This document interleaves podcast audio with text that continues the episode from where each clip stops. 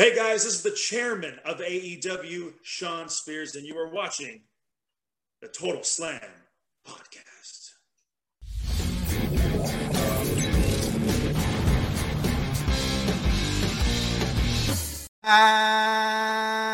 אהלן לכולם, ברוכים הבאים לטוטל סלאם, פודקאסט ההיאבקות של Fighting IL, הבית של ספורט הלחימה בישראל. אני עדי כפיר, ואיתי כרגיל, אבירן טוניס. הופה. הופה. הופה.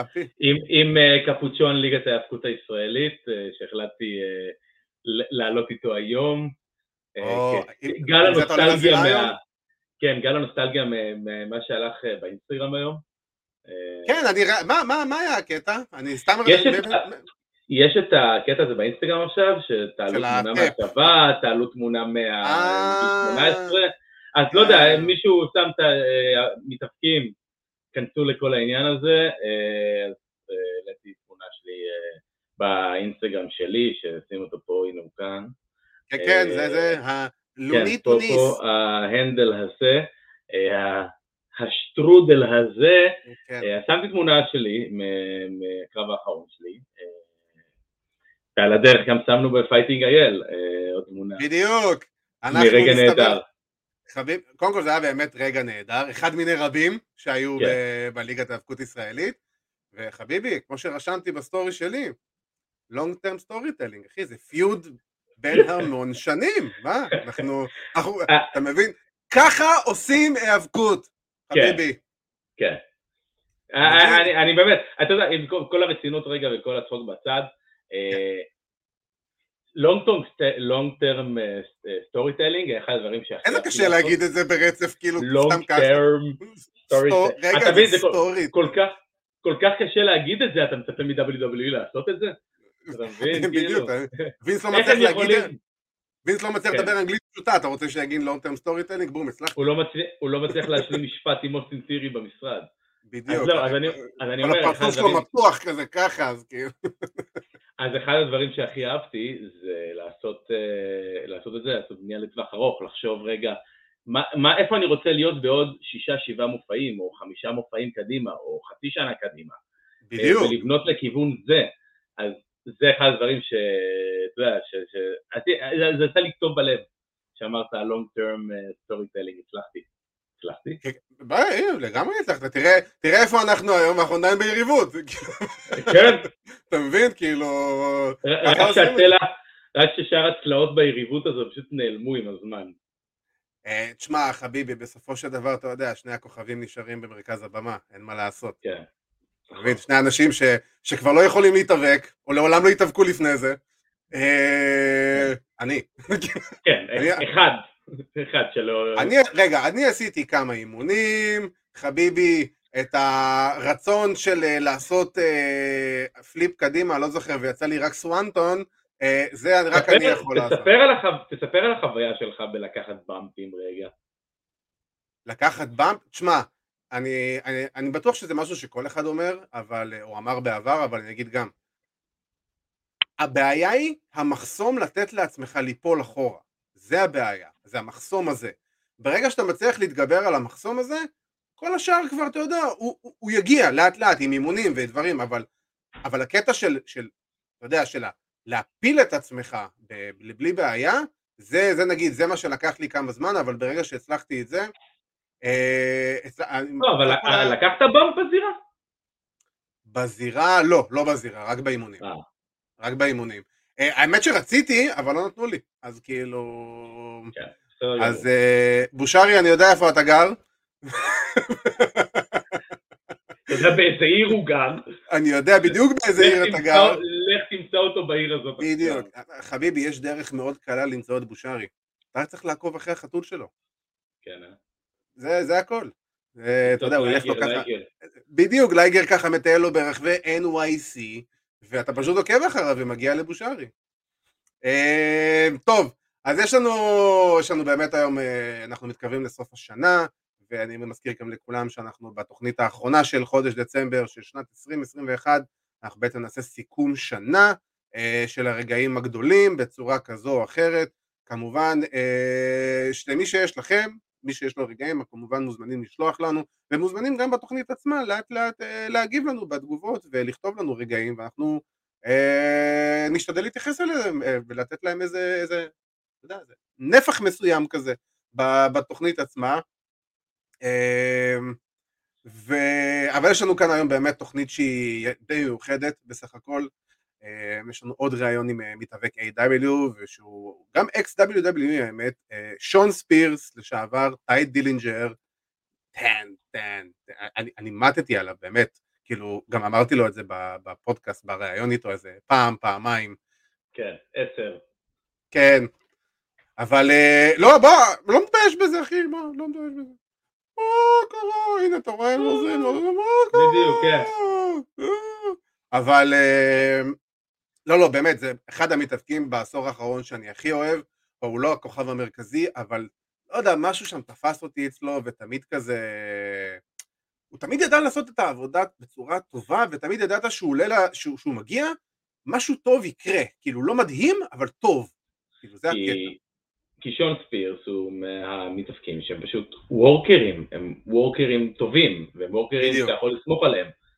ו- וזה מה שזה, זה, זה, זה מה שאני אוהב לראות, אני אוהב לראות את הוורקרים האלו, אני אוהב לראות את החבר'ה האלו שייכנסו לזירה וייתנו את הקרב כמו שצריך ויעבדו בצורה מושלמת, וזה הוא, ה perfect 10, זה לא כי הוא עכשיו, זה, זה כי הוא גם, אגב, תראה חבר'ה, כל מי שכביכול יש לו איזושהי, איזשהו גימיק של perfect, perfect 10, perfection, קורט הנינג, טי דילינג'ר, דול זיגלר, כל האלו, כל אלו נחשבים ל workers, הם workers. בדיוק.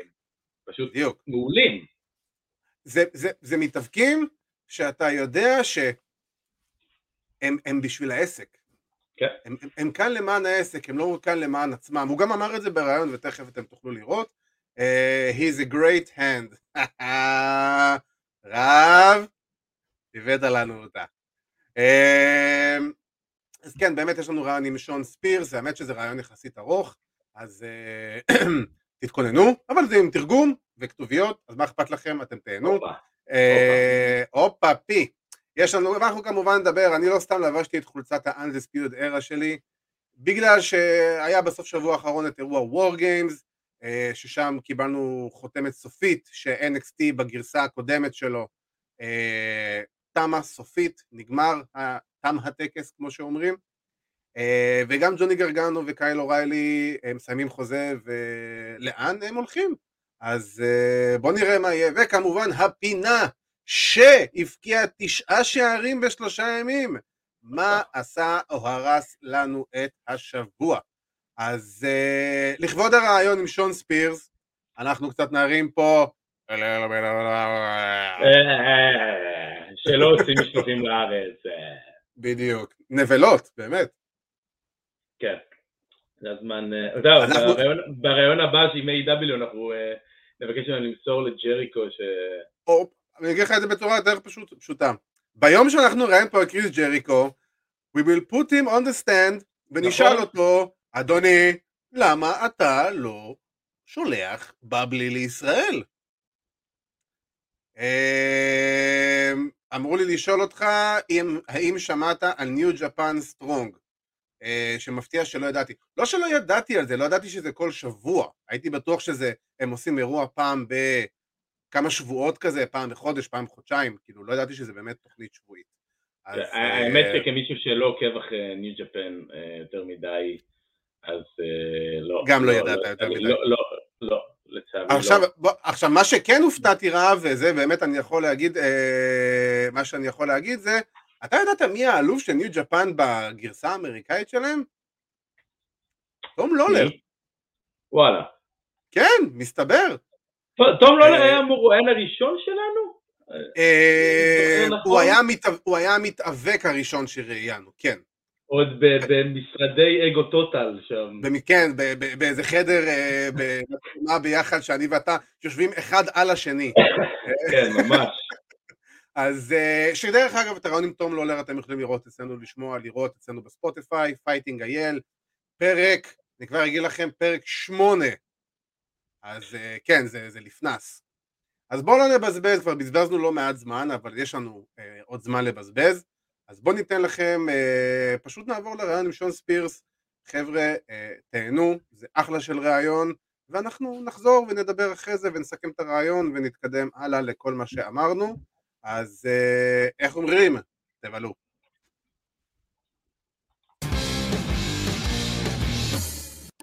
Hey everyone, and thanks tuning in.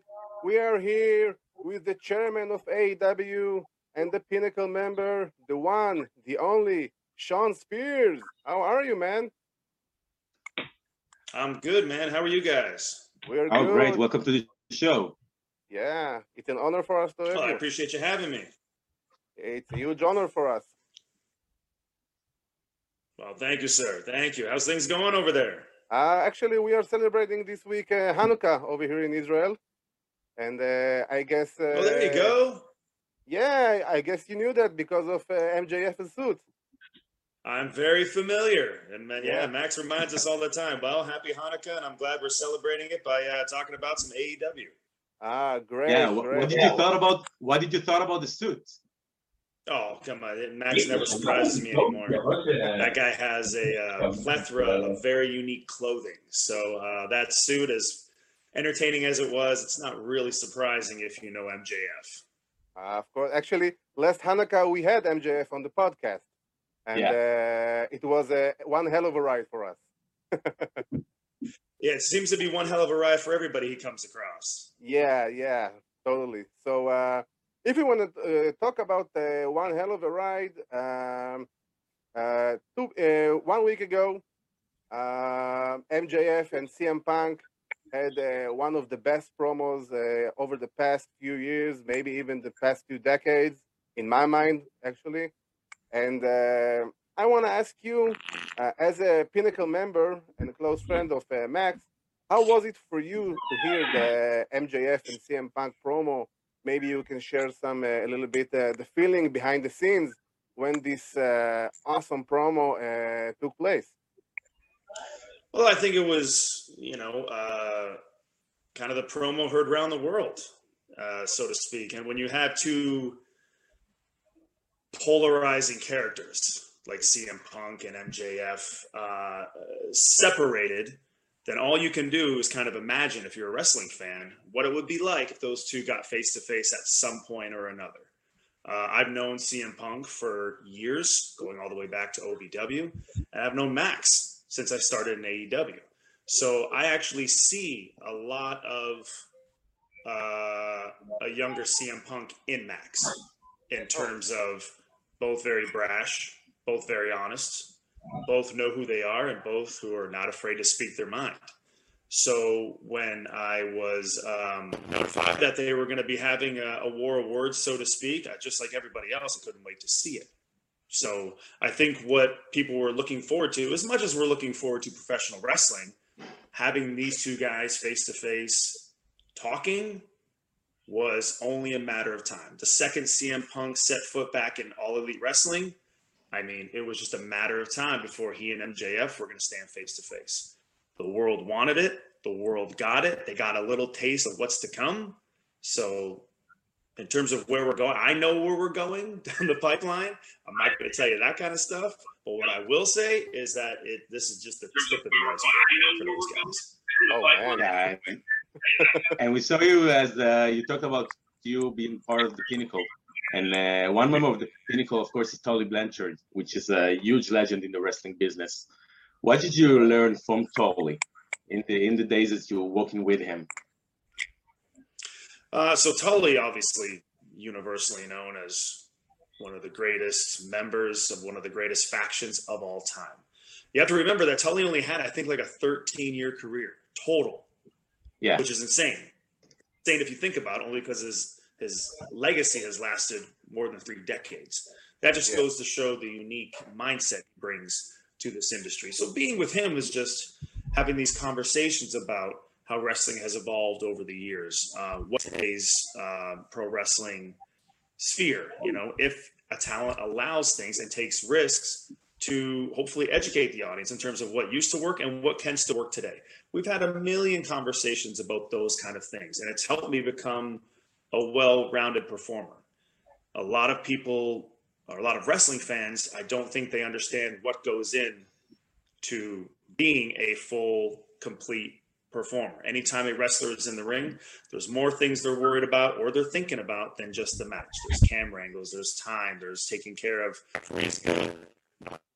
what camera angles are at all times. All that kind of stuff comes into play. So Tully has been able to allow me um, ideas and suggestions on how to even capitalize on that more. But it's not just me, it's FTR too.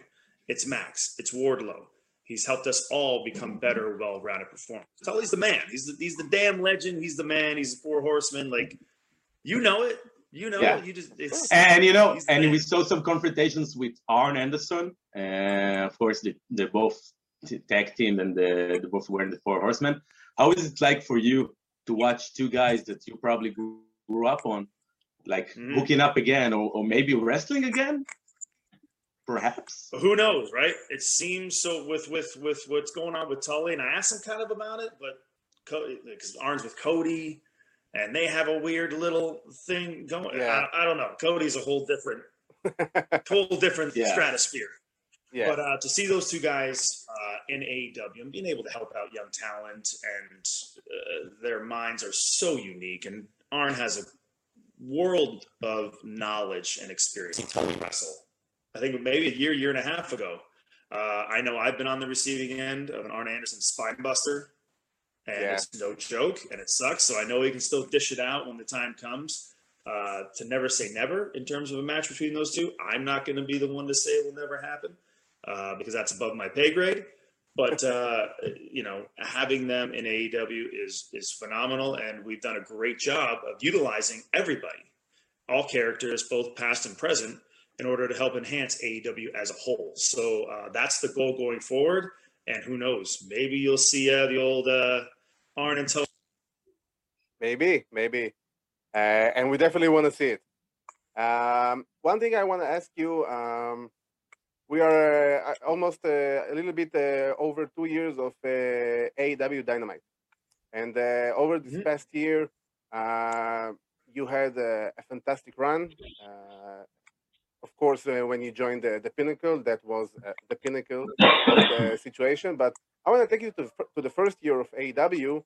Uh, you had some a little bit trouble, uh, I, I can say, uh, uh, you know, uh, finding your space, finding a spot.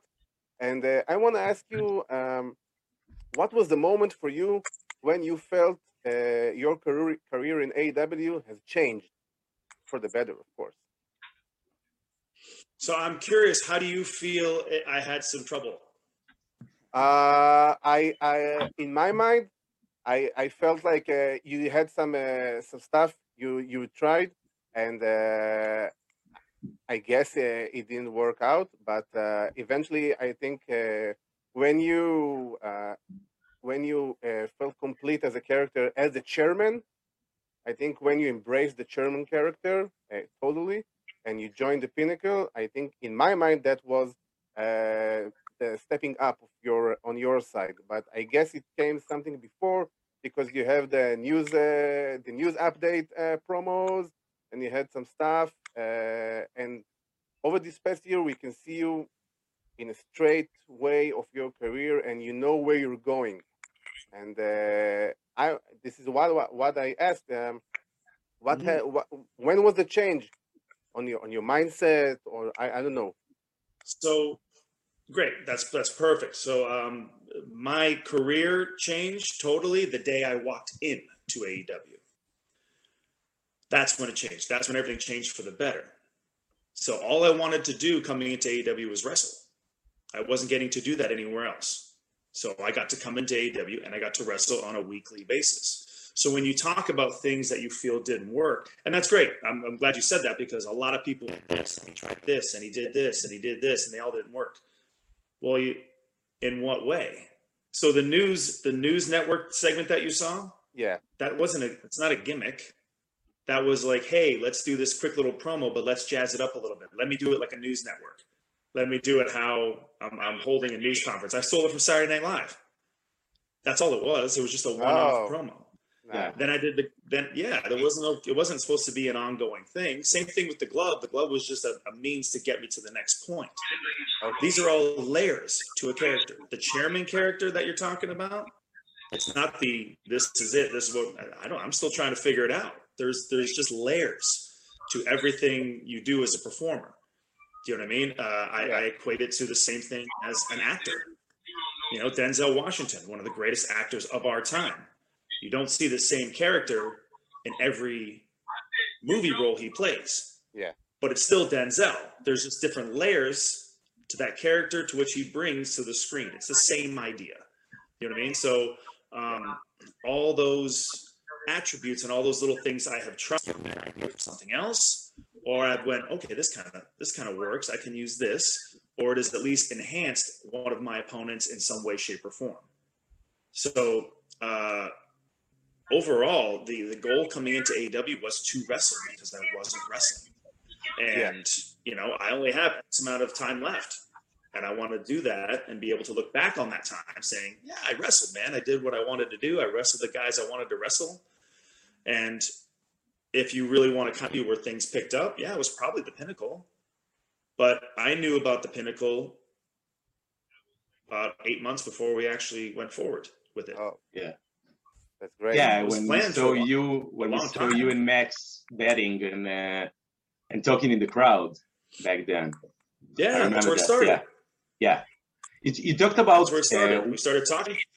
Yeah, and it, you talked about walking into Cool. AEW, and uh, we see a lot of free agents now in the wrestling business from WWE that got uh, released and from Ring of Honor. Is there any free agent that you would like to see in AW, maybe in the Pinnacle in the future?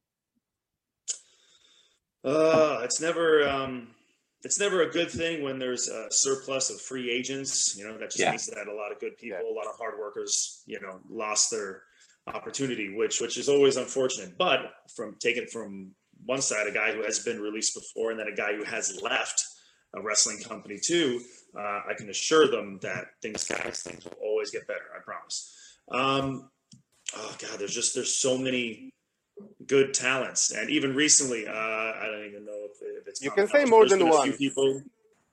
Hmm. You can say more than one if you like. Yeah, Oh no, I understand. I but I've seen uh, a lot of talent backstage recently um, that I would like to see kind of around, or I'd like to tangle it up with.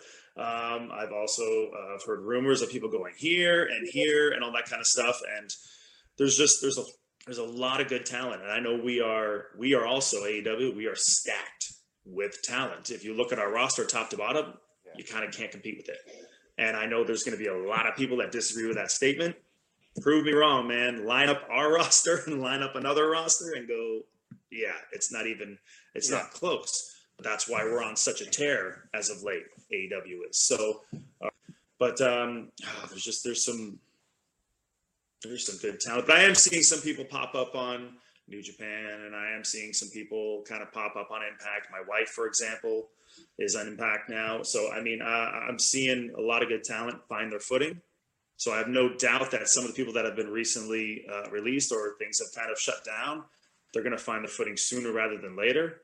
And we've done a great job of like keeping surprises, surprises in the wrestling world. Yeah. I mean, if you look at even the last three or four months, you've had you got CM Punk, you got uh, Adam Cole and Brian Danielson on the same night, Yeah. which no one saw that coming. So I mean, we've done a great, uh, you know, throwing you a curveball or giving you something you didn't see coming. So uh, Tony, uh, I can't speak fully for Tony, but I will say that that guy has tricks up his sleeve, left, right, and center. so I have no doubt you're going to see some of your favorites uh, pop up somewhere, and it's probably going to have a lot to do with him. Hmm. Okay, so uh, you mentioned your wife, uh, and I must say, on my personal behalf, uh, I had the chance to interview your wife uh, in 2019, right after uh, he- uh, she and uh, Jessica won the WWE Tag Team uh, Women titles, and uh, Mm-hmm. both of them are awesome. I'm a huge fan from back in the days of NXT, and um, when uh, she got released, and I'm sure, uh, I'm sure it was um uh, not a pretty time in the house uh, when uh, your wife got released. And but now she she and Jessica signed with Impact, and both of them are the tag team, the tag team knockout champions. And um, I always wondered when we can see Sean Spears and uh, Cassidy some kind of teaming up. Maybe we can see uh, your wife coming to AEW through the through the Forbidden Door. Maybe we can see you come to Impact through the Forbidden Door. Uh, is that something that uh, both of you ever spoke about? Maybe trying to move some, uh, you know, uh, moving some step into this uh, some kind of idea. Uh, we joked about the possibilities because the beautiful thing nowadays is that it is an actual possibility. Yeah. Uh, before AEW, the idea of a forbidden door really Uh-huh. didn't exist. And if it was tried before, it was ruined by something, something ridiculous. Since uh, AEW's inception and since uh, Tony has kind of stepped forward and said, What if? Um, those possibilities now have become exactly that possibilities. So uh, I know Scott Demore very well. I have a lot of friends over in Impact. Um, you know, I, I AEW, and we are, you know, constantly building our roster, and we are, you know, we have a great TBS Women's Championship tournament going on right now. Um, so I mean, the the we're focusing on women's wrestling. We are building women's wrestling. We have some of the best women's wrestlers in the in the world. So um, uh, I, I think the idea of some cross work, like you've seen it, you've seen it kind of with Kenny, and you've seen it with Christian, and you've seen it with the Good Brothers, and you've seen it with you know FTRs going to Mexico Yeah. to, to, to AAA. Like uh, the idea and concept and possibilities are kind of endless. And that's because the goal is to give you guys, the fans, the audience, the best pos- possible dream match scenarios we can possibly give you. Some guys in Impact I wouldn't mind tangling up with. I think uh, Alexander is very talented. I think Saban is very good. There's a lot of young talent over there, and obviously some, you know, mixed tag opportunities with my wife Yeah. would be would be incredible. Now, in terms of bringing somebody into the pinnacle, ah, we're pretty selective. We feel you got to be a workhorse, man. You got to be able to tighten up your boots and have an endless gas tank. And right now, the pinnacle is kind of stacked with that.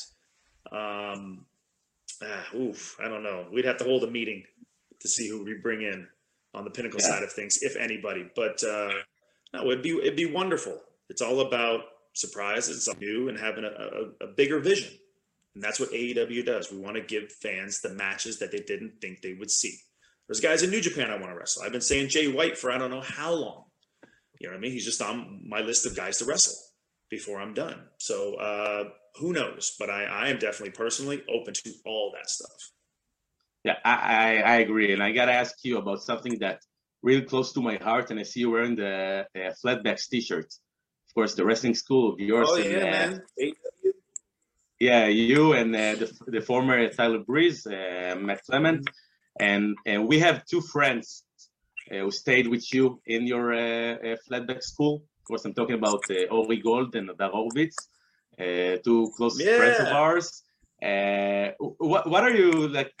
Talk to us about a little bit of them and how they progressed in your school because I asked them and I, I know them since they are like 10 years old for real. I, I in the wrestling community here in Israel, uh, and they had only the best uh, to say about your school and everything they done there. Uh, talk to us a little bit about them, about their, you know, uh, how they compare to other wrestlers from around the world. Yeah, they came. They're really good guys. Uh, they wear their heart on their sleeve, um, eager to learn. They already came in with some prior experience, so their bumping ability and their footwork was actually not that bad. So when you have someone like that that wants to learn and is open to all suggestions and techniques, it only makes for a better pro wrestler. uh, You know, and that's one of the biggest things in you know ha- having being coachable. You have to be able to take critiques. Critiques. You have to be able to modify your game to evolve. And some people kind of refuse to do that, and they kind of just stay stagnant, and they end up going away. Um, with students, with new, uh, young, you know, uh, learning for the first time kind of talent, one thing you cannot teach is heart. And you know, you can have all the talent in the world, but if you don't have any heart behind it, you don't have any drive and your will, it's probably not going to work out to be especially this, you have to be in love with professional wrestling. Otherwise, you're going to really beat your body up for nothing in the long run. And it just isn't worth it. But those two guys were like sponges. They took every critique, they uh, absorbed as much as they possibly could. And we kept in a little bit of contact after they left and stuff like that. Uh, but they did very well in their class. They were uh, they were standouts. Um, I hope they're doing well. So if they're watching this now, you guys hope you guys are well and hope you guys are still killing it and still applying the techniques that we showed you. Uh, but um, but yeah, uh, Breezy and I, you know, we love teaching. I was asked to be a coach three times in NXT before I left. Uh, I've always loved teaching. Uh, Hidden the same. He was asked uh, on multiple occasions. We love teaching young talent. We love helping young talent. That's the role I'm in now. I'm an older guy who's got 20 plus years experience. I can help guide and teach young talent that you know this is how things are done on TV or we can really slow down here in the ring and just better ways to paint a bigger picture. So uh, I enjoy that role. I worked very hard to get into that position. And uh, you talked about, I totally agree with what you said, and uh, you, you, you talked about uh, fell in love with the business. And mm-hmm. what I want to ask you is, uh, which wrestler made you fall in love with the business, with the wrestling business, and made you and uh, helped you to make the decision that you want to become a professional wrestler uh, when you grow up?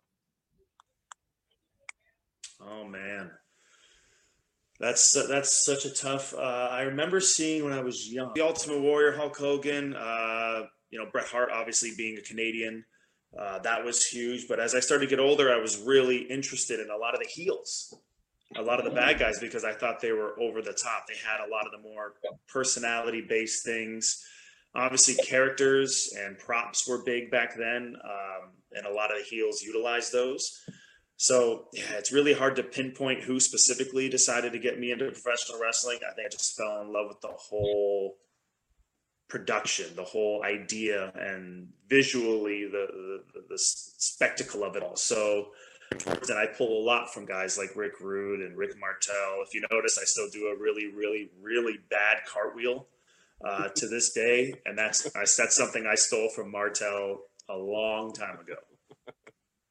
Uh, you, talked about being in NXT, and they uh, want you to be a coach back then, and you were proud part of the developmental system of WWE for a real long time.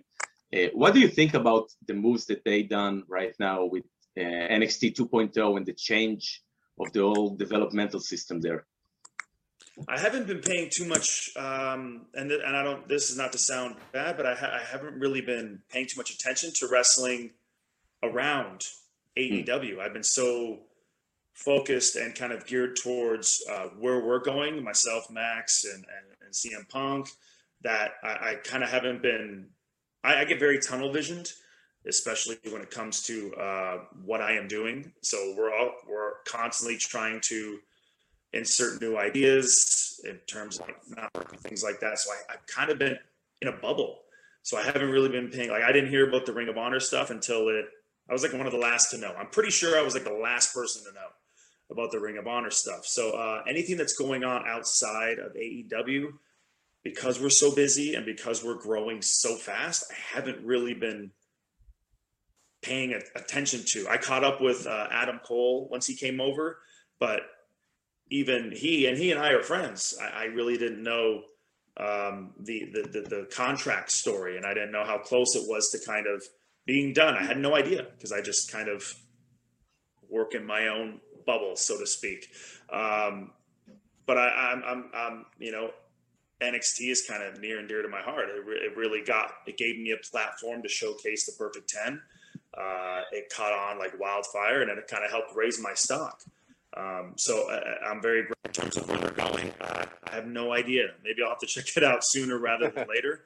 Uh, but for the time being, I am just I am so focused on.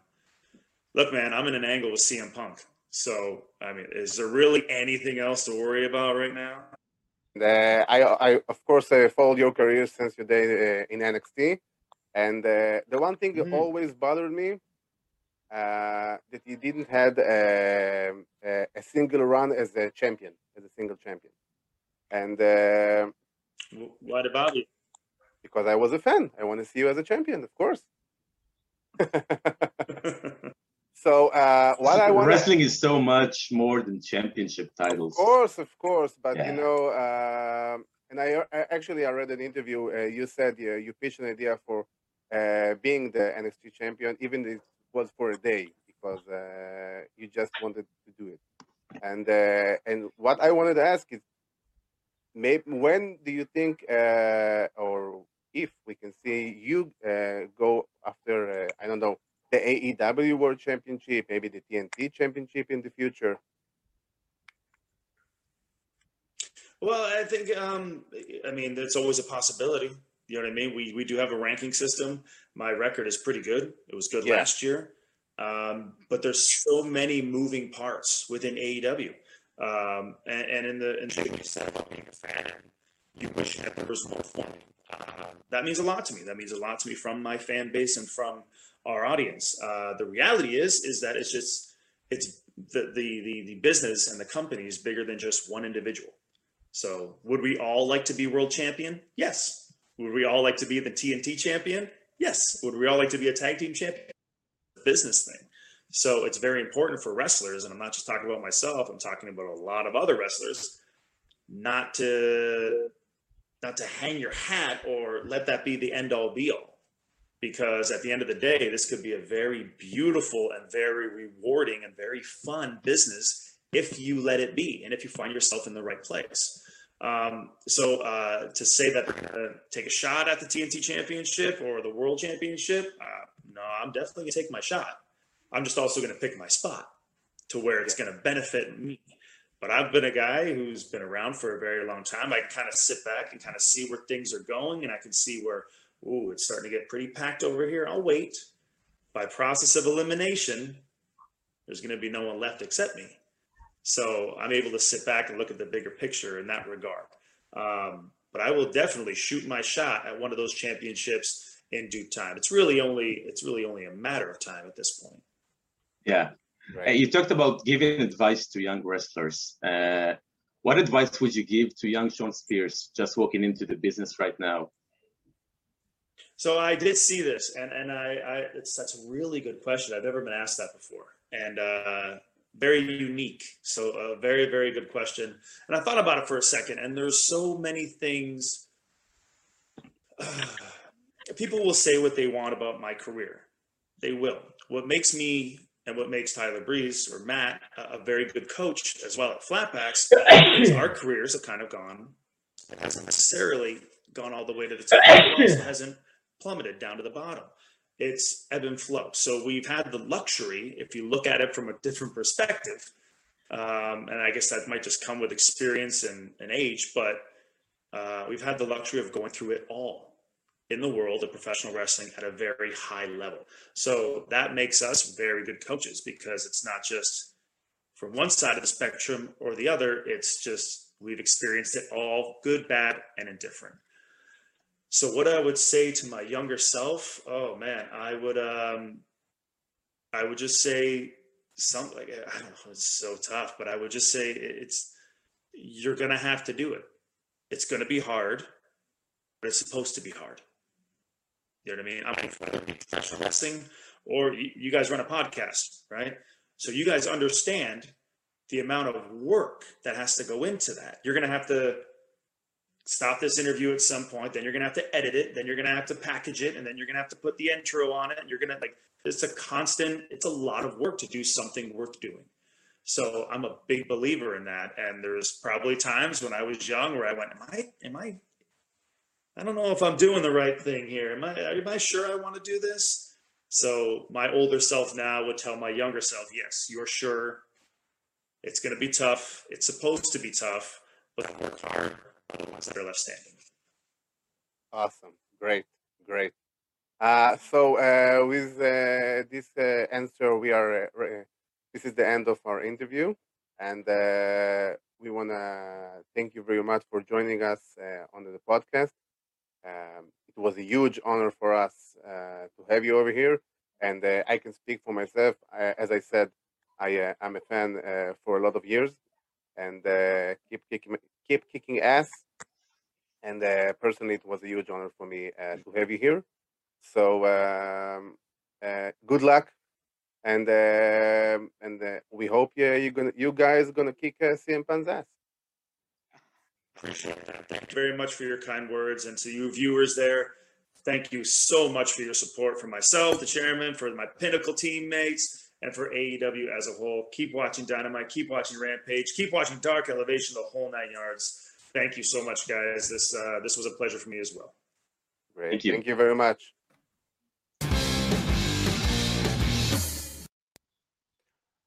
וחזרנו מהראיון ואבירן לבריאות. תודה רבה.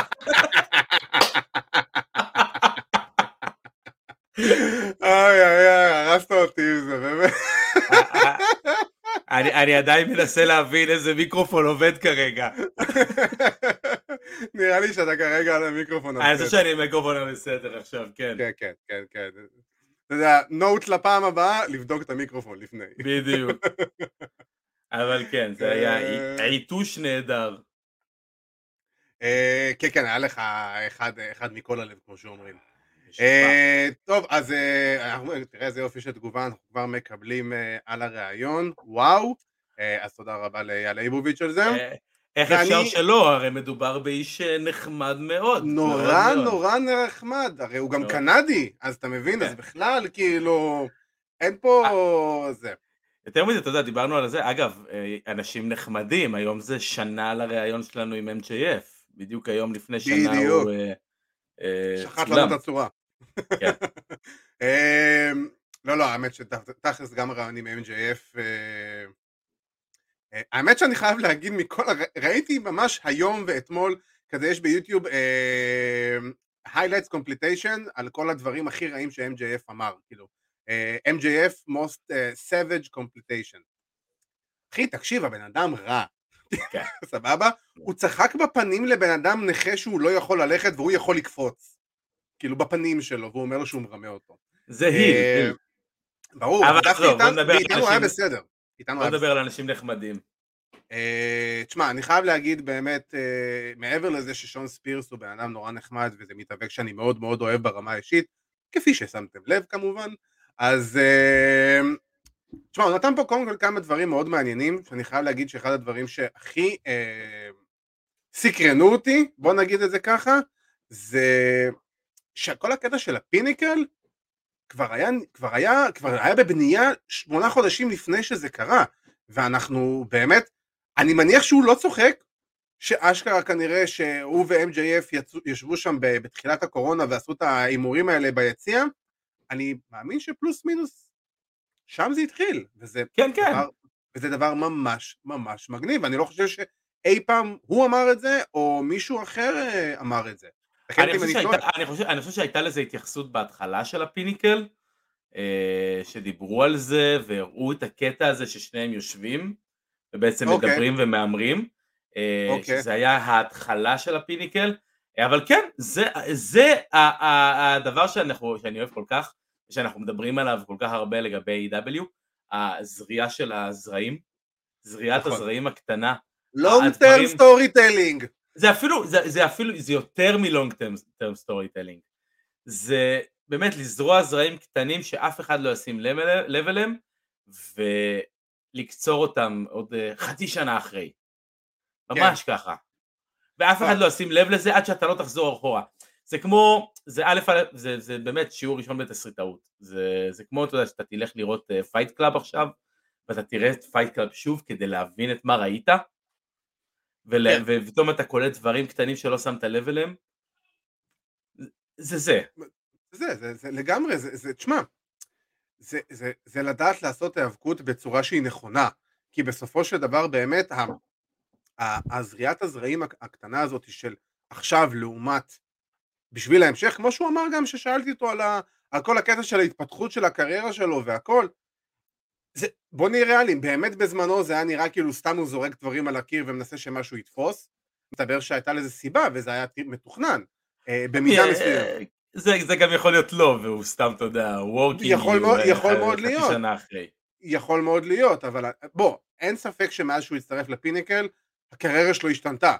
אבל כן. אני כן יכול להסכים עם זה שמאז שהוא הגיע ל-AEW, הוא באמת מתאבק יותר ממה שהוא התאבק לפני זה, כי אנחנו זוכרים שהוא היה ב main roster והוא לא באמת היה ב main roster, בוא נהיה ריאליים, של WWE, ו... והוא, והוא מקבל כבוד שמגיע לו, כמו שהיה לו ב-NXT למשל, שב-NXT הוא באמת פרח בזמנו עם הדמות של טי דילינג'ר, ה Perfect 10, ו... ופתאום שהוא עלה למיין רוסטר, כמו עם כל מתאבק NXT בזמנו, זה היה וואם באם תנק יו מם, כאילו אין פה, זה לא, לא היה יותר מדי חוץ מהמספר 10, הכניסה 10 ברואל רמבל, שזה באמת היה אדיר, ואני כאילו קפצתי כמו אפשר, אפשר בעצם להגיד שזה היה הפיניקל שלו ב-WWE. איי איי איי איי איי איי איי. איי, כן. איי. אבל כן, אה, תשמע, הוא היה, ותשמע, אנחנו מדברים על תקופה ש-NXT היה משהו אחר לגמרי. ש-NXT הייתה ה-AW של היום, בגדול, כן. בוא נהיה ריאליים. כאילו, מלא חבר'ה מהאינדיס, אתה יודע, שלחתי לך ודיברנו אה, על, ה- על התוכנית החדשה של אה, WWE לפתח מתאפקים חדשים. כן. אה, Next in line, NIL נראה לי, אה, Next in line קוראים לזה. כן, זה בעצם. לקחת, כן בדיוק, זה מה שאני חשבתי גם, אבל זה, זה פשוט לקחת חבר'ה שהם פוטנציאל מענפי ספורט שונים לחלוטין, ראיתי חבר'ה מכדורסל. כן, ופוטבול, והיאבקות מכללות, אתה יודע, מילא היאבקות מכללות אני מוכן, אין לי בעיה עם זה, אה, חבר'ה כדורסל מ track and field, וראית כל מיני, יש בזה, יש לזה היסטוריה בהיאבקות. אין והם ספק, רוצים בוא, לקחת את החבר'ה האלו ולבנות אותם אה, מאפס. במיוחד ב-WWE, כאילו מה, ביאנקה היא טרקפילד, כאילו, בדיוק, ומישהו כמו שון ספירס, מישהו כמו שון ספירס, לא היה נכנס ל-NXT היום. שום סיכוי, ממש, לא. ועם זה אנחנו נעבור לנושא הבא שלנו. אה, אהבתי את הסגווי אבירן, תאמין לי, אתה רק נשען קדימה ורץ. האפצ'י משחרר לי את החשיבה. בדיוק, בדיוק. לפחות זה. יודע. אמ, אז, אמ, אז כן, באמת אה, מישהו כמו שון ספירס היום לא היה מתקבל ל-developmental של אה, WWE, כי הם באמת עושים את המעבר הזה ממתאבקי אינדיז לספורטאים שלא יצליחו במקצוע שלהם, אז בואו אלינו. ומה שהם עושים מזה בעצם זה מה שהם עשו עם אה, גייבל סטיבנסון, סטיבסון, תקן, אני לא זוכר את השם. סטיבנסון נראה לי. סטיבנסון, סבבה. כן. שבעצם הוא עדיין בקולג', אז הוא עדיין ממשיך את הלימודים שלו, מסיים את הקולג', אבל הוא כבר חתום מראש ב-WWE, וזאת אומרת שהיציאה שלו מההיאבקות היא בעצם, זה כמו, אתה יודע, ש... כמו נגיד שחקן פוטבול או שחקן NFL, אה, שחקן כדורסל, ש... זה- זה יותר מזה. זה יותר מזה, הוא כאילו נבחר בדראפט ועדיין ממשיך לשחק עוד שנה בקולג'. בדיוק, כן, זה כאילו זה ממש ממש ככה, הם ממש, אתה יודע, מכינים את השטח לדורות הבאים, ומצד, אני חייב להגיד ברמה האישית, ובטח ברמה העסקית, אני מאוד אוהב את זה, אני חושב שזה צעד מאוד מאוד חכם, אנחנו יודעים ש-WWE באורך השנים לא מעט הסתמכו על ספורטאי עבר, אה, ספורטאי כאילו, חבר'ה שהגיעו מרקע של ספורט אה, תחרותי, פוטבול, אה, היאבקות זה, ריצה, כדורסל, הכל. כל השמות הגדולים שאתה יכול רק לחשוב עליהם כמעט. כן, כאילו, אנחנו... אה, טייקר, טייקר היה שחקן כדורסל. בדיוק, שו היה קווין שחקן אש היה כדורסל. שחקן כדורסל. כל כך אה, הרבה שחקני פוטבול שהגיעו, אה, אתה יודע, מהקולג'ים. בדיוק, אמרנו. ביאנקה בלר שהייתה באמת אה, אחת מהארצות היותר טובות בארצות הברית בזמנו, אה, ברוק לסנר כמובן, וכל החבר'ה שהגיעו מעולם ההיאבקות, אה, החובבנית כמובן, זה מפה עד הודעה חדשה, אז זה באמת, אה, אז זה באמת, אה, אתה יודע, מושתת ה- מושתתת ההיסטוריה של WWE, ואני יכול להבין למה הם עושים את זה, אבל אה, בסופו של דבר, אה, שואלים אותנו פה, יורי גינצבורג שואל אותנו, מי הבטיח שהוא יהיה מספיק טוב בהכרח בענף של היאבקות בידורית? אף אחד לא מבטיח, אבל אני אגיד לך, אני אענה לך, יורי, את התשובה שעניתי לאווירן היום. מספיק שמכל העשרה שהם החתימו היום, אחד או שניים יהיו כוכבים, התוכנית הזאת שווה את זה. לא, אני אתן לך, אני אתן לך באמת קודם כל את הדוגמה הכי טובה שאני יכול לחשוב עליה. קורט אנגל. מתי קורט אנגל הגיע ל-WWE? שנתיים אחרי שהוא זכה במדליית זהב אולימפית. נכון, אז עזוב, בדיוק. גם מבחינת, אתה יודע, מרק הנרי, ה hype- לא, אבל מרק הנרי לא, לא זכה, מרק הנרי הגיע ב-96, שזה ממש אבל- קצת אחרי, אבל מרק הוא לא הנרי זכה היה, במדליה אולימפית. נכון, קורט אנגל מרק- זכה במדליית זהב אולימפית, לקח נכון. את הזמן שלו, שנתיים אחרי זה, קצת יותר משנתיים אחרי זה הוא הגיע ל-WWE, ותשמע, אנשים כמוהו, זה קורט אנגל. הלוואי, וגייבל סטיבנסון יהיה באמת רבע מקורט אנגל ברמת ה... אה, ספירס אמר את זה החבר'ה הישראלים שלנו, ספונג', סופגים ו- וקולטים את העסק בשנייה. אז וואלה, הלוואי, הלוואי והוא יהיה, וכן, וואלה, אם יצליחו, ואני ראיתי אולי איזה אה, שניים שלושה שאני יכול להסתכל עליהם ולהגיד, וואלה, יש, אה, יש פה פוטנציאל, כן. אה, כולל אה, שתי אחיות תאומות שהן היו שחקניות כדורסל. אה, איך הם אוהבים את זה, יאללה. מתים על זה, וזה גימיק, ברור. אבל זה גימיק, ברור, אבל זה עובד, נהדר, ברור, אבל ברור, זה. עובד, ואם אתה יכול עם לקחת, זה, מה? ואם אתה יכול לקחת אתלטים מקצוענים, ברמת קולג', לא מקצוענים ברמת NFL נגיד, אבל מקצוענים ברמת קולג' זה עדיין משהו מסוים, וזה חבר'ה. שהם יכולים להיות מאומנים כמו שצריך, הם קואוצ'בל, הם אה, אתלטים כבר, הם אה, יכולים, הם, יש להם את. הקליטה הזאת, יש להם בדיוק את כל הדברים האלו, ווואלה, אני חושב שזה אחלה דבר, ואתה יודע, זה, זה אולי, אתה יודע, זה חוזרים אה, למה היו פעם בעבר, אה, ואני מאמין שגם. וגם בתוך זה יהיו את החבר'ה שעשו קצת אינדיז וראו אותם וראו בהם פוטנציאל. אה, אה, כן, כן, אין פה, אין פה ספק, הנה גם אה, רושמים לנו אה, שגם לשלי היה כזה, אין ספור דוגמאות באמת, זה אין ספור של דוגמאות, עומוס היום, שהוא היה שחקן כדורסל במכללות, אה, ב- רונדה ראוזי, כאילו, בוא נהיה ריאליים. כן, ההונדה הייתה כוכבת. ברור, ברור, אבל גם רונדה הגיעה מרקע ספורטיבי, ובגלל זה היא גם. הצליחה לעשות את הדברים שהיא הצליחה לעשות. אה, אבל באמת בסופו של דבר זה מהלך אה, נכון של WWE, באמת זה לבנות את העתיד בצורה שהיא אה, נכונה, ואנחנו רואים את זה באמת עם ההשפעה על NXT וכל השינוי שדיברנו עליו לפני כמה חודשים כבר, שהיה את הריבוט ל-NXT, NXT 2.0, אה, ה-NXT הישן, ה-NXT, גרסת האינדיז נקרא לזה ככה, אה, היה בסוף שבוע האחרון את אירוע וור גיימס, שני הכלובים, שתי, אה, שני הזירות בתוך כלוב אחד וכל זה, וזה ממש היה כאילו the old NXT versus the new NXT, וזה היה ברור לכולם מי הולכים לנצח, ואני חושב, וגם אני הימרתי עם עצמי, חייב להגיד שזה היה ברור שברון ב', ברייקר, הבן של ריק סטיינר, שחייב להגיד ששמעתי היום פרומו שלו, שנשמע אחד לאחד דווקא כמו סקוט סטיינר, כן. אה, ממש, כאילו, אותו דיבור, כאילו, ממש. אני אה, מחכה לשמוע אותו עושה מתמטיקה. אוי, תקשיב. אבל אני כן אוהב את זה שהוא עושה את הו, את הנביחות. כאילו, זה, זה אני אוהב. אה, לפחות את זה נתנו לו לעשות. אבל... ה- אה, הדיבור אגב, הדיבור הוא שהוא אה, הביא את השם ברון ברייקר. כן, אני, אם אני לא טועה, הם אמרו לו, כי הם רצו שהוא יתרחק מהשם סטיינר, כדי שיהיה להם את ה... את ה... נו, את ה trademark על זה. כן. אז בכל מקרה, אז ראינו את, ה...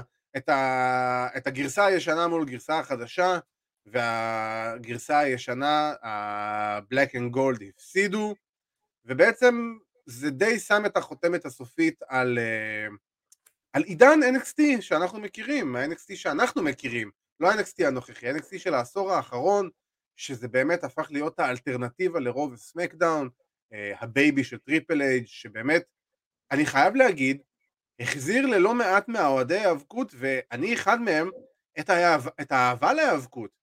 כי באותם שנים באמת, בוא, TNA היו בצלילה חופשית, ולא היה באמת אלטרנטיבה חוץ מ Ring of Honor, אבל זה היה Ring of Honor וזה היה רק ההתחלה, ובעיקר היה לך את, אה, היה לך את NXT, כאילו, ו-NXT פתאום באו, ובום, התפוצצו, ואני חייב להגיד שלי עדיין זה כואב לראות את זה, אני לא, קשה לי לראות את הגרסה החדשה של NXT.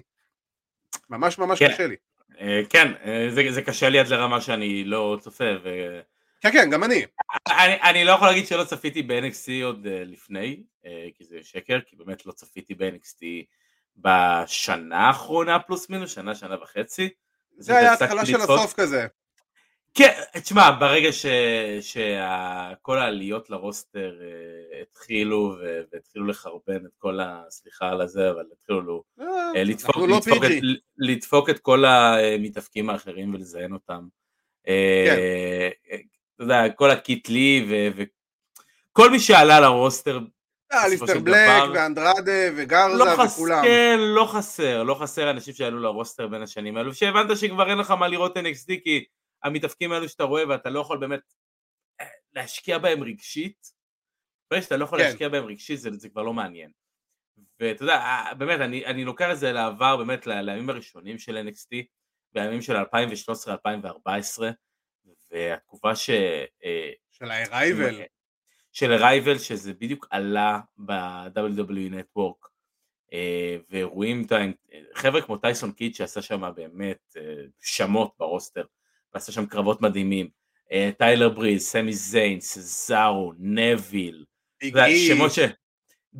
ביג אי, ביג אי עוד היה ב-NXT ממש בהתחלה, לפני, ה- לפני תקופת ה-Arrival, כן. אבל בו דאלאס, ובאמת כל החבר'ה Wyatt Family. כן, ה-Wyatt Family, כולם, באמת, כל, כל, כל החבר'ה האלו, בזמנו אני זוכר, זה היה הדבר הכי מרענן שאני ראיתי, אני זוכר שראיתי את NXT ב Network, ואני זוכר שראיתי את התוכניות ואמרתי, וואו, זה, זה כאילו, זה כל כך הרבה יותר טוב, א', מה roster, מה main roster, מרוב בדיוק. שתיים, זה הרבה יותר טוב מ-FCW, וממה שזה היה פעם. כן. כי זה- תראה תוכניות היום של FCW, חוץ, חוץ מהערך הנוסטלגי אה, של לראות חבר'ה כמו, אתה יודע, פתאום הית' סלייטר וג'סטין גבריאל כן. ושיימוס, דרו וכל מיני- מקינטייר, אתה יודע, שהיה אלוף עולם שם. וכל מיני כאלה. אה, אז כן, אז לראות את זה פתאום היה משהו מרענן, משהו שונה. האירועים של ה-Arrival היו אירועים נהדרים. אקזביה רוץ, אה, רוסב ב-Arrival הראשון. באמת, חבר'ה, ולאט לאט, אתה יודע, עם הזמן, עם הזמן אתה ראית את ה-NXT מתפתחת. אה, אתה לא יכול להגיד את ה-Women's Evolution בלי להגיד NXT. כי אני ה-Women's Evolution... מבחינתי, אני חייב להגיד, כאילו, דיברנו של לעשות איזה top שלוש, שכל אחד יגיד את השלוש רגעים שלו, אני כבר אגיד לך את המקום הראשון שלי. סאשה בנקס, ביילי, טייק אובר ברוקלין 2015, take my money every day, כאילו, כן. באמת, זה, זה, זה ממש ככה, זה היה, מהפכת הנשים באמת התחילה שם, בצד של WWE, בצד של NXT יותר נכון, ואני זוכר, אני את NXT התחלתי לראות, אה, האירוע הראשון של ה-NXT שראיתי, כי באמת לא ידעתי מה זה NXT אז בזמנו, וכאילו, אתה יודע, ו... ו- הייתי עדיין בטוח שזה עדיין הגרסה הגרועה של התוכנית ריאליטי הזאת וכל זה, לא, לא, לא, לא באמת עקבתי יותר מדי בזמנו, אני חייב להגיד, אה, הייתי קצת אה, בחל"ת, ו... וכאילו, ופתאום האירוע שראיתי זה האירוע שקווין אורנס הגיע. אני זוכר שראיתי אותו, ואני אמרתי לעצמי, הבן אדם הזה כרגע הזכיר לי למה התאהבתי בענף הזה. כאילו, חד וחלק. כל מה שנעשה שם איתו, בין אם זה הקרב שלו ואחרי זה ה turn על סמי וכל הדברים האלה, זהב טהור, נהדר, הרגשת שזאת לא תוכנית מתוסרטת ומבוימת ברמה over-produced, אלא הרגשת שזה כמה שיותר אורגני בגרסת WWE שאפשר, הרגשת שזה אנשים ש... שלא מקבלים כל דבר, אלא באמת עבדו קשה, קרעו את התחת כדי להגיע למעמד הזה, והם הם מנשקים את הרצפה כל שנייה שהם נמצאים במעמד הזה. כי הרווה, הם הרוויחו את זה, הם לא קיבלו את זה. ו, ובאמת, משם, כל הטייק אוברים, וכאילו כל הדברים, ופין בלור, ושינסקי נקמורה, וכאילו, אתה אומר לעצמך, what not, כאילו באמת, אפשר לתת פה top 100 רגעים, כאילו, כן. ב-NXT שאתה יכול כאילו להגיד, וואו, כל אחד יהיה יותר טוב מהקודם שלו. כן, אה, אבל כאילו, כן, כאילו איך אפשר לבחור? אני- זוכר. שלדעתי אה, האירוע הזה, ה-Revolution, אני חושב שהוא נקרא, אה, זה היה גם הק- הקרב הראשון של בלור ב-WWE, אני זוכר אותו בוודאות, בבירור. הכניסה, אה, עזוב הכניסה, אני זוכר אותו כי אני זוכר איפה ראיתי אותו. יותר מזה, אני ראיתי אותו, אני לא הייתי בארץ באותו זמן, אני הייתי באירוע משפחתי אה, בברזיל, אה. בסאו פאולו, ואני ראיתי אותו מסאו פאולו בחדר במלון, אה, ואני זוכר את זה כוואו. אתה יודע, גם, אגב, גם הקרב של נביל, אה, פאק נגד אה, סמי זיין, אה, שהיה באירוע הזה שסמי אה, זכה באליפות בעיניי, אה, כן, אוקיי. הכי טובים. האירוע הכי טוב שהם עשו בעיניי אה, בפוטסייל, אה, קווין אורנס וה- והטרן שלו שבאמת בא משום מקום. אני חושב שזו פעם הראשונה שהם עשו שם את העניין הזה שהם אה, שמים את הסטמפ של התוכנית, שזה כאילו מסמן לך שנגמר התוכנית, כן, ורק אז עושים את, ה, את האנגל הגדול כן. שהם רצו, לדעתי הם עשו את זה פעם פעמיים בהמשך, אבל שם זה הפעם הראשונה. אה, מהפכני בעיניי. אה, entrance, והפעם הראשונה שהוא הופיע, ואתה יודע, כל, ה, כל, ה visual, אני זוכר קרב אה, נגד סי.ג'יי פארקר, ג'וס רובינסון. סי.ג'יי פארקר, נכון, ג'וס רובינסון. כן. שהוא, שהוא נתן לו palm hand כזה, ושבר לו את האף. אמ, נכון. זה, מהבוטשים האלו, שהם וואלה לא, לא כיפים, ווואלה לא, זה מבאסים, אבל כל כך תרמו לדמות של אורנס ולמה שעושה בקרב הזה. בזמנו, כאילו. בול, בול, על אותו עיקרון, אתה יודע, אומרים red create screen, אז במקרה הזה עם קווין אורנס, זה באמת ככה קרה, ואתה יודע, וזה הוביל אורנס זוכה באליפות אחרי חודשיים שהוא ב-NXT, אה, הולך אה, נגד סינה אה, בזמנו שהוא עשה ב open challenge על ה- US title והניצחון שלו. זה היה טוב. זה, זה, זה מהדברים האלה שאנחנו מסתכלים על זה עכשיו, אתה אומר לעצמך, אשכרה זה היה לפני מה, שש שנים? כן, 2015-2016, כאילו... איך הגענו מהדברים הכל כך טובים האלו למה שאנחנו היום? אמ, יש, יש כמה דברים, אבל אני יכול להגיד שלפי דעתי, ברגע ש-AW עלו לאוויר, הם הפכו להיות האלטרנטיבה של האלטרנטיבה. וברגע כן. שיש לך, וברגע שיש לך את גרסת NXT לא מתוסרטת, וממש אורגנית, כמו היום כמו A.W, אז, אז, אז NXT הופך להיות פחות מרגש. כי זה אותו הקהל, זה פחות או יותר אותם המתאבקים, זה פחות או יותר אותה צורה של הגשה, ובטח הדגש על הקרבות יותר, ופחות רק על הסיפורים והדמויות, וכל המסביב, כמו שיש ב-WWE, במיין רוסטר, אז uh, ברגע שזה קרה, אני חושב ששם זה היה כאילו ההתחלה של הסוף. כי להיות ריאליים, ל-NXT לא היה סיכוי. עם כל הכוכבים שהיה להם. לא היה להם סיכוי. כי אתה זוכר מה דיברנו אני ואתה בזמנו, שהתחילה המלחמה של ימי רביעי? ואני זוכר שאחרי חודש, חודשיים של, של שידורים מקבילים, של ראש בראש, אני ואתה מדברים וכזה, וואי אחי, תקשיב, אני רואה תמיד NXT בהתחלה, כי אני יודע שאם אני לא אראה NXT בהתחלה, אני אראה A.W, אני לא אראה NXT אחרי זה. כן. וזה, וזה, ממש ככה. זה ממש היה ככה, בדיוק. אז כאילו, אין מה לעשות. ו... בגלל זה אגב, אגב, אגב, בגלל זה היום אני רואה רמפייג' לפני שאני רואה סמקדאון. הגיוני, הגיוני לגמרי. אמ, אני חייב להגיד עוד רגע שהוא היה ענק ב-NXT, זה הטרן של צ'מפה על הגרגנו. זהב, טהור, גאונות, מי שלא מכיר את הקטע הזה, לכו תחפשו אותו ביוטיוב, ואם אתם לא מוצאים, תגידו לנו, אנחנו נשלח כן. לכם לינק. בכיף, באהבה. ו... זה, זה מהטופ חמש רגעים ב-NXT נקודה, כאילו, זה top ש... זה, זה רגע מדהים, זה רגע שהוביל... top שלוש, ל... כאילו, לס... אנחנו מדברים פה, על, באמת, אני, אני לא הייתי מאוהדיהם הגדולים של צ'מפה וגרגנו כשהם הגיעו ל-NXT. אה, כאילו אני מתוודה על זה עכשיו ואני אומר את זה ככה זה זה לא לא לא אהבתי עליהם אהבתי טיפה יותר על צ'מפה אבל פחות על גרגנו ואתה יודע היום אולי טיפה... אה, כן, אבל באופן אישי, אני אומר את זה באופן אישי, אני חושב ש-DIY לא היו איזה משהו, אני חושב שבסדרת הקרבות שלהם עם ה-revival, FTR, אה, אתה יודע, אה, אנחנו גם שוכחים ש-NXT בזמנו, מה שהיא הייתה, בעיניי הייתה הפסגה בעולם ההאבקות של האבקות זוגות. לגמרי. הרי אנחנו כולנו ידענו טייק אובר מתחיל, קרב ראשון, banger, קרב, קרב זוגות שמועמד לקרב הערב גם. אה, לא משנה, לא משנה אם הוא קרב ראשון, שני, שלישי או רביעי, חמישי. אתה יודע כן. שהקרב זוגות שאתה מקבל, הוא יהיה קרב הערב, נקודה. כן.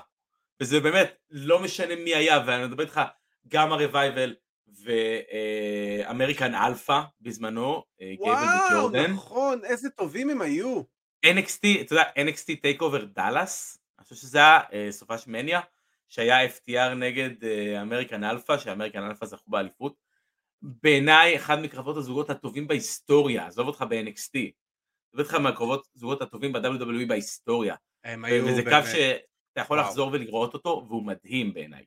אני, אני, אני מסכים, והאמת היא, בא לי לחזור לראות חלק מהדברים שדיברנו עליהם עכשיו. אני אחפש ביוטיוב, נעשה לי קצת איזה, איזה סשן כן. בסופש. אמ, ואם ככה דיברנו על סוף עידן של וור גיימס, הגיע הפרק של NXT אתמול, ודי אישש את מה שדיברנו עליו בשבועות האחרונים, ומבחינתי, אם וורגלס היה החותמת הסופית, אז מה שקרה בפרק אתמול של NXT ש... זה היה כאילו לקח את המפתחות ולזרוק לים, שאף אחד לא ימצא יותר גם. זה... אנחנו יודעים שקיילו ריילי וג'וני גרגנו סיימו את החוזה שלהם ב-NXT, מסיימים אותו השבוע בעצם.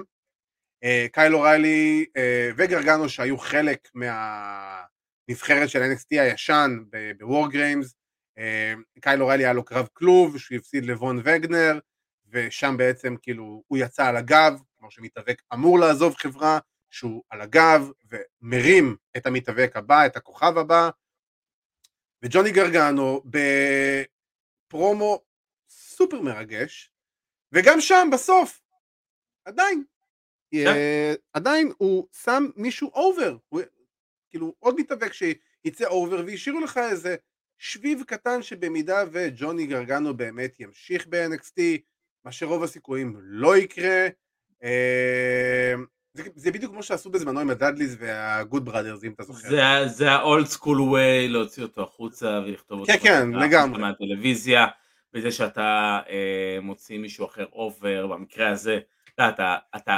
הופך מישהו אחר להיות כוכב.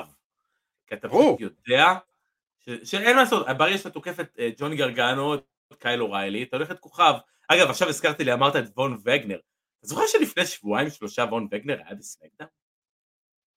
באמת? אני יכול להיות שזה מהקטעים שאני עמד, דיברתי עליהם. עמד, עמד לצד אדם פירס בבקסטייג' באיזה סגמנט מאחורי הקלעים בלי להגיד כלום ובלי שהתייחסו אליו. כן, הוא- סתם, סתם נזכרתי מזה עכשיו. כן, הוא מישהו שהם די בונים עליו, בסך כן. הכל. אה, עוד- second generation superstar דרך אגב. בן של? אה, אם אני זוכר נכון, בר... לא, לא זוכר אם בריין בלר או... אה, אני אגיד לך עוד רגע, מישהו שהיה. מתאבק זוגות בזמנו ב-WWE. אני זוכר שראיתי את הבן של בול ביוקנן ולא הבנתי למה לעזאזל הוא בענף הזה. כמו שאבא שלו לא היה צריך להיות בענף הזה. אמ, אז כן, אה, אוריילי וגרגנו, עד שאבירה נמצא לנו את התשובה, אה, אוריילי וגרגנו מסיימים השבוע חוזה ב-NXT, ובעצם יכול לקרות מצב, וזה כמובן מאוד היפותטי, תיאורטי, אה, פנטזיונרי, יכול לקרות מצב שקייל אוריילי יופיע הלילה או ביום שישי ב-AEW, בדיינמייט או ברמפייג'. יכול להיות. הנה יורי רושם לנו ש... כן, אה, בדיוק באתי הוא להגיד אחד מהאחים בברלי. בדיוק. אה, אחד מהאחים כן. בברלי. וויין בלום, אחד מהאחים בברלי. אה, אתה יודע, יש הרבה misconception ששומעים את השם שלו קל בלום, אז חושבים שהוא אה, קרוב של... מאט בלום? מאט בלום, אבל זה לא.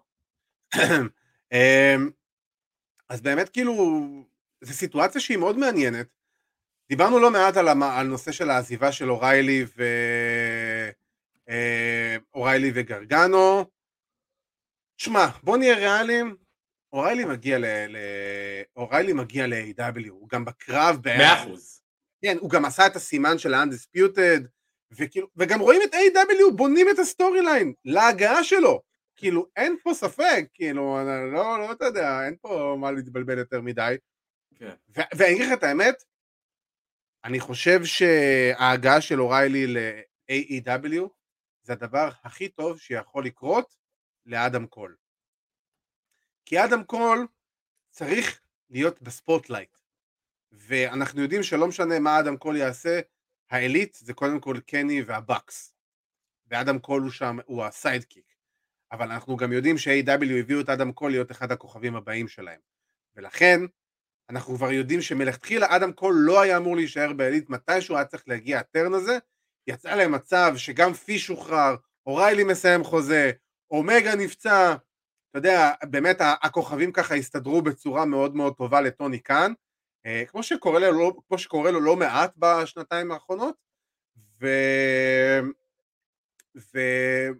ויכול מאוד להיות שאוריילי עושה לנו היום לקס לוגר. ו... ו... גם אם אין לזה איזה סיבה שהיא באמת תצדיק את זה, רק בשביל הקטע שזה אפשרי, הייתי עושה את זה, חייב להגיד. כן, אני מחכה שמישהו יעשה ריק רוד, יותר נכון. למרות שזה כבר. לא... לא- למרות לא שזה כבר אפשר. לא יקרה.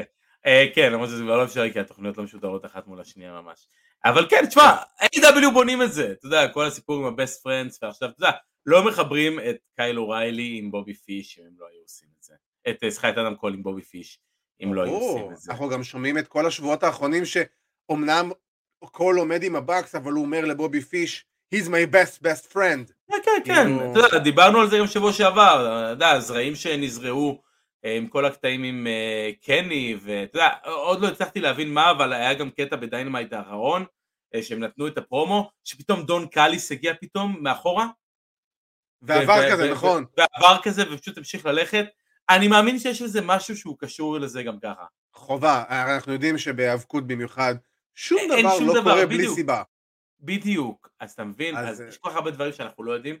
אז כן, אה, אני לא אופתע לראות את קייל אוריילי הלילה בדיינמייט, אני גם לא אופתע לראות שהוא לא יהיה בדיינמייט, ואתה יודע, יש שם כל. כך הרבה אירועים אה, קדימה, אתה יודע, winter is coming, זה עוד שבועיים, שבוע, אה, שבוע הבא, שבוע הבא. דנ- דניאלסון, fucking כאילו דניאלסון נגד הנגמן, כאילו כן. זה זה מרגש אותי לחשוב על זה בכלל שזה אוטוטו קורה, אבל כן. זה, זה ממש אוטוטו, אוטוטו קורה. אה, סופר מעניין, הלילה יש גם אה, הנגמן נגד ג'ון סילבר, אה, דניאלסון נגד ג'ון סילבר. נכון, בניו... ב... בלונג לונג איילנד.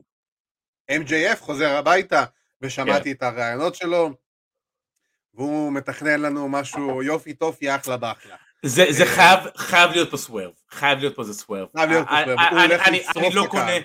בדיוק, אני, אני חושב שזאת הגדולה, אני חושב שפאנק עשה את זה בצורה מעולה בזמנו בשיקגו.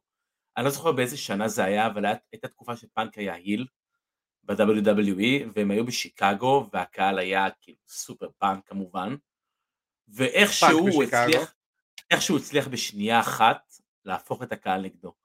ו- וזו הגדולה בעיניי, אתה יודע, הקהל שכל כך רוצה לעודד אותך ואתה גורם להם לשנוא אותך. כן, ואם באמת MJF, ואני אני מחכה, באמת, אני מחכה לתוכנית הזאת לראות מה MJF יעשה שם, כי איפשהו, אתה יודע, זה, זה יכול להיות מצחיק וזה ביזארו וורלד כזה, ש, שהכל הולך הפוך, פתאום הקהל אה, אה, ייתן את ה heat לפאנק ויעודד את MJF, אבל אני בטוח שאיפשהו MJF יעשה את ה switch הזה. חייב, חייב. זה לא... זה נראה יותר מדי lovey dovey. כן, אה, תשמע, ויש לנו, ויש לנו פה את, ה, אה, את ה battle royal של הדיינמייט אה, רינג. שאני חושב שזה יכול להיות נכון. מצוין שפאנק יגרום ל-MGF להפסיד פה, נכון. אה, ולתת קיק לפיוד הזה. אה, נכון, נכון, נכון, נכון. זה ממש ממש ככה. יש הרבה דברים שטובים שיכולים ועשויים לקרות, ובאמת, אני חייב להגיד, אני, אני יושב פה עם החולצה של Undisputed Era, שדרך אגב, ההגעה של אדם קול אה, ל-NXT בזמנו, גם אחד הדברים שאין הרבה רגעים שיכולים לבוא ולגרום לי לקפוץ מהמיטה או מהספה ופשוט לעמוד בכי, כן! וכאילו ההגעה של אדם קול הייתה בדיוק הדבר הזה. ואז אני יושב פה עם החולצה של Undisputed Era, בצער רב, מצד אחד, מצד שני, אני מאוד מקווה ושמח שאנחנו הולכים לקבל אותם בקרוב ב-AW, ובאמת חבל על NXT, אני, אני, אני לא, קשה לי לראות, ראיתי היום, פתחתי את, הפרק של אתמול, רק לראות את הפרומו של גרגנו, ורפרפתי תוך כדי, וזה... הקסם לא שם. הקסם, הקסם לא שם. הרמה... הרמה מאוד נמוכה, מאוד נמוכה, מאוד נמוכה. אתה רואה קרבות ואתה אומר לעצמך, זה משהו שהוא לא מתאים לטלוויזיה. זה חזר להיות דבלופמנטל, ואני לא אופתע לראות אם אה, USA Network בסופו של דבר יבטלו את NXT וזה יחזור להיות תוכנית נטוורק. אמ, יכול להיות, יכול מאוד להיות, זה הכל תלוי בעיקר ב-USA. אם אני, כאילו, אם אני USA Network, אני אומר ל-WWE, לא על זה אני. לא, לא על זה שילמתי לכם, לא, לא, לא על זה עשיתי איתכם את החוזה הזה. נכון, נכון. אבל אה, מצד שני זה מערכת יחסים מאוד ארוכת שנים בין USA ו-WWE, אז כאילו... who knows? אה, אופיר פישמן שואל. אותנו האם אה, ברי ווייט, ווינדם רוטנדה יגיע ל... ה-winter is coming, ווינדם is coming. אני חייב להגיד שהרעיון הוא נשמע מאוד מפתה, אני פשוט לא רואה אותו מגיע כרגע, אני חושב שזה, אני אגיד פייר, אני לא רואה איפה הוא נכנס. כאילו- לכן, הוא, לכן הוא יגיע הלילה. הלוואי, אחד המתאבקים שאני הכי אוהב, אבל באמת אני לא יודע איפה הוא נכנס ומה יעשו אני איתו. נותן לטוני את הקרדיט. אה, אבל יאללה, בואו נראה. אני, אני פשוט לא חושב שהוא יגיע כרגע. אבל אבל אני טועה, כי אני מת עליו ואני אהיה מבסוט מזה. ועם זה אנחנו מגיעים לסוף התוכנית, אבל לפני שאנחנו מקפלים אנחנו צריכים לבוא ולדבר על הפינה שתחנה ביום חמישי חמישייה וביום ראשון רביעייה, מה עשה או הרס לנו את השבוע. אבירן, זה תענוג זה היה. תתחיל נא. כל, כל, כל החמישייה עשתה לי את השבוע, בכללי. אה, כן. ברור. אה, אה, אני, אני, אני רוצה לדבר, ודיברנו כל מיני דברים, דיברנו על, לא דיברנו יותר ב-WWE בתוכנית הזאת, אני דווקא כן רוצה לקחת את זה לשם. אני רוצה לדבר קצת על הסידור של התוכנית של סמקדאון. סמקדאון, רו, בכללי, באופן כללי, אתה יודע, על אנחנו רואים כאילו את על זה הדרך בעיקר שהיא לפני... בנויה, שהיא מוצגת? בדיוק, על בניית התוכנית, אה, בטח לפני main event ים, ואני רוצה לקחת אה, כדוגמה את סמקדאון אה, האחרון. ואתה יכול לקחת את אני אוהב את זה סמקדאון... שאתה רושם לעצמך הערות. רשמתי כפרה, יש פה את הכל. לא, לא, אני אומר, אני אוהב שאתה רושם לעצמך לא, הערות, לא, כל אה, הכבוד. משקיע חביבי, מה קרה לך? ואתה יכול לקחת אחורה אגב לגבי סמקדאון לפני שבועיים ולגבי מאנדי נייט רוב השבוע, ופשוט לקחתי את סמקדאון כדוגמה, כי באמת כל הקטע הזה באמת הטריף לי את המוח ביום שבת שראיתי את סמקדאון. אוקיי. אה, אנחנו מדברים רגע לפני אה, הקרב של סמי זיין נגד רומן ריינס על האליפות, אחלה storyline, הכל סבבה, בא לבנות את ברוק והכל נחמד. אחלה פרומו דרך אגב של ברוק וסמי. הכל טוב ויפה, הכל סבבה ויפה. שים לב, אוקיי? אנחנו מתחילים מזה ש SmackDown, אה, היה לנו את שיימוס נגד אה, סזארו. שיימוס כן. סזארו נגמר, נשאר 20 דקות לתוכנית, לא, לא, לא כולל פרסומות, אנחנו מורידים את הגרסה כמובן בלי הפרסומות, אז אנחנו לא יודעים בדיוק כמה פרסומות, 20 כן. דקות נטו של תוכנית ההאבקות. יש לך את הכניסה של סמי זין, אוקיי? אתה יכול להגיד שאחרי אוקיי. הכניסה של סמי זין צריכה להגיע הכניסה של רומן ריינס, נכון? כמובן. יפה. אממה. אחרי- נכון, ה- אחרי הכניסה של סמי זיין הגיע פרסומות, mind you הפסקת פרסומות ראשונה. אחרי הפסקת הפרסומות קיבלנו סגמנט של נעמי וסוניה מאחורי הקלעים. אחרי אותו סגמנט של נעמי וסוניה מאחורי הקלעים היה לנו את הרו ריבאונד. כל אה. הקטעים שהיו ברו האחרון. מיד אחרי הרו ריבאונד תנחש מה היה? עוד פרסומות. פרסומות, הפסקת פרסומות שנייה. חזרנו מפרסומות, מה אנחנו רואים? מה יהיה בסמקדאון שבוע הבא. היה גם אה, מה, מה אנחנו נראה ברו. אוקיי. אה, חזרנו אה, מזה, אנחנו רואים את סמי עדיין בזירה, נותן פרומו. יש את הפרומו של סמי, ברוק נכנס, יש את כל הקטע בין סמי לברוק וה-F5ים. מה קורה אחרי זה? פרסומות. פרסומות, הפסקת פרסומות שלישית. כמובן. אוקיי? 20 דקות לסוף התוכנית. מיד אחרי הפרסומות מה אנחנו רואים? תקציר של מה פרסומות. שקרה רגע לפני הפרסומות. אוקיי. אחרי זה הכניסה של רומן, mind you, כניסה מלאה. עם כן, כל הווג'רס. 19 חמש דקות דקות כניסה. כניסה בערך, כן. השאיר לנו בערך שתיים וחצי דקות לסוף התוכנית. לתת את הקרב, אה, שמן הסתם כמובן רומן ניצח מהר, כי ברוק אה, כיסח את סמי זיין. אבל אלוהים ישמור, אם אני עכשיו רואה את התוכנית בבית, באמת, אם אני עכשיו רואה את התוכנית, ואני מתעצבן על זה שיש לי הפסקות פרסומות בזמר במסכה, אז כאילו, אתה יודע, mind you ב SmackDown. אם אני רואה את התוכנית עכשיו, והשעה אה, בערב היא תשע וחצי, ואני מקבל שלוש הפסקות פרסומות, לפני ה main בין event. תשע וחצי או תשע ועשרים, כי זה השעה האחרונה, זה תשע ועשרים, גג תשע וחצי בארצות הברית, עד עשר. שלוש הפסקות פרסומות לקרב main event של שתיים שלוש דקות, אני לא חוזר לראות את התוכנית יותר. זה, אני- מחזק את דבריך. י- אין לי מה כאילו, להגיד. יש, לנו את הפריבילגיה לראות את התוכנית בקובץ, במחשב, או בכל דבר אחר, או מוקלט, זה... או מוקלט מספורט 5 ולעשות את הפסט פורוורד שלנו ולהעביר טיפה, אבל אלוהים ישמור. עזוב אותך שאני מדבר איתך עליי בתור הצופה, אני רוצה, באמת, הקהל, כן, סמי, שעומד בזירה. עומד בזירה, עזוב, היה בין הכניסה של סמי ובזירה בזמן הפרסומות, הסגמנט של נעמי וסוניה, הרו ריבאונד, עוד פרסומות, מה יהיה בשבוע, ורק אז הוא נותן את הפרומו. כאילו, ה- אלוהים ישמור. אני, אני, אני, אני כאילו מנסה להבין מה ההיגיון, כי אתה יודע, זה לא תגיד שזה חד פעמי, כי אתה רואה את זה בכל התוכניות של. WWE. אתה רואה את זה בכל המיין איבנטים, גם ברו, בקי נכנסה, הם עשו עוד איזה סגמנט מאחורי הקלעים, ראיון של לשלי ו-MVP. נכון. שהיה איזה 2-3 דקות. אה, אה, עוד הווידאו פקט של ליב, אני מוכן לקבל את זה, כי זה קשור לכניסה שלה. אבל אלוהים ישמור, למה אתם עושים את זה למתאפקים שלכם, לעמוד בזירה כמו טמבלים במשך 5 עד 10 דקות, במקרה הזה סמי, באמת, מהרגע שהכניסה שלו עד הרגע שהתחיל הקרב, היה 17 דקות נטו בלי פרסומות, והיו. שלוש הפסקות פרסומות. אני אענה לך על זה, התשובה שאתה כבר יודע את התשובה הזאת מראש, ודיברנו עליה איזה מיליארד פעם. מדובר במגלומן בן 70 פלוס, שחושב, לא חושב, שמתנהג כאילו הוא קובע לך אחד לאחד מה לחשוב. והוא חוש... עושה את זה דרך דרכים של סבל. המתאבקים שלו צריכים לסבול, הקהל שלו צריך לסבול, כדי שהם כן יקבלו את מה שהם רוצים, הם צריכים להגיד תודה על זה. כן. זה וינס מקמן. היום, בעבר, הרבה הרבה פחות. הוא תמיד חשב ככה, אבל הרבה הרבה פחות. היום? אה, אחי, זה כל כך, היה... כל, כל כך קשה לי לראות ההאבקות היום.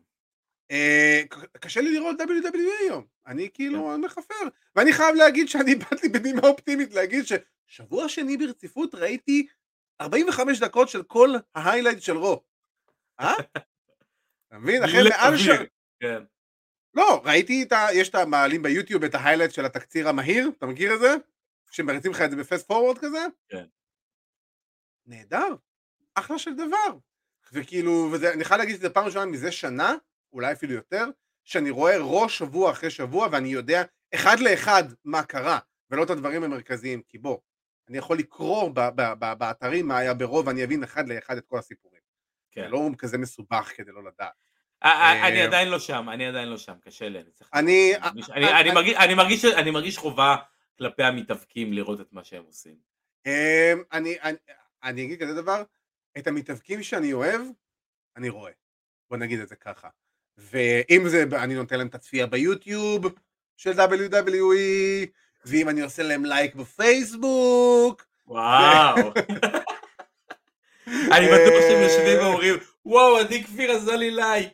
בוודאי, נכון, הרי סזארו עושה סלטות באוויר בגלל הלייקים כן. שלי, אין לי ספק. אה, והם אומרים, וואי, פגשנו אותו ב-2019, איזה גבר הוא היה איתם. בטוח. ברור, בוודאי, בטח.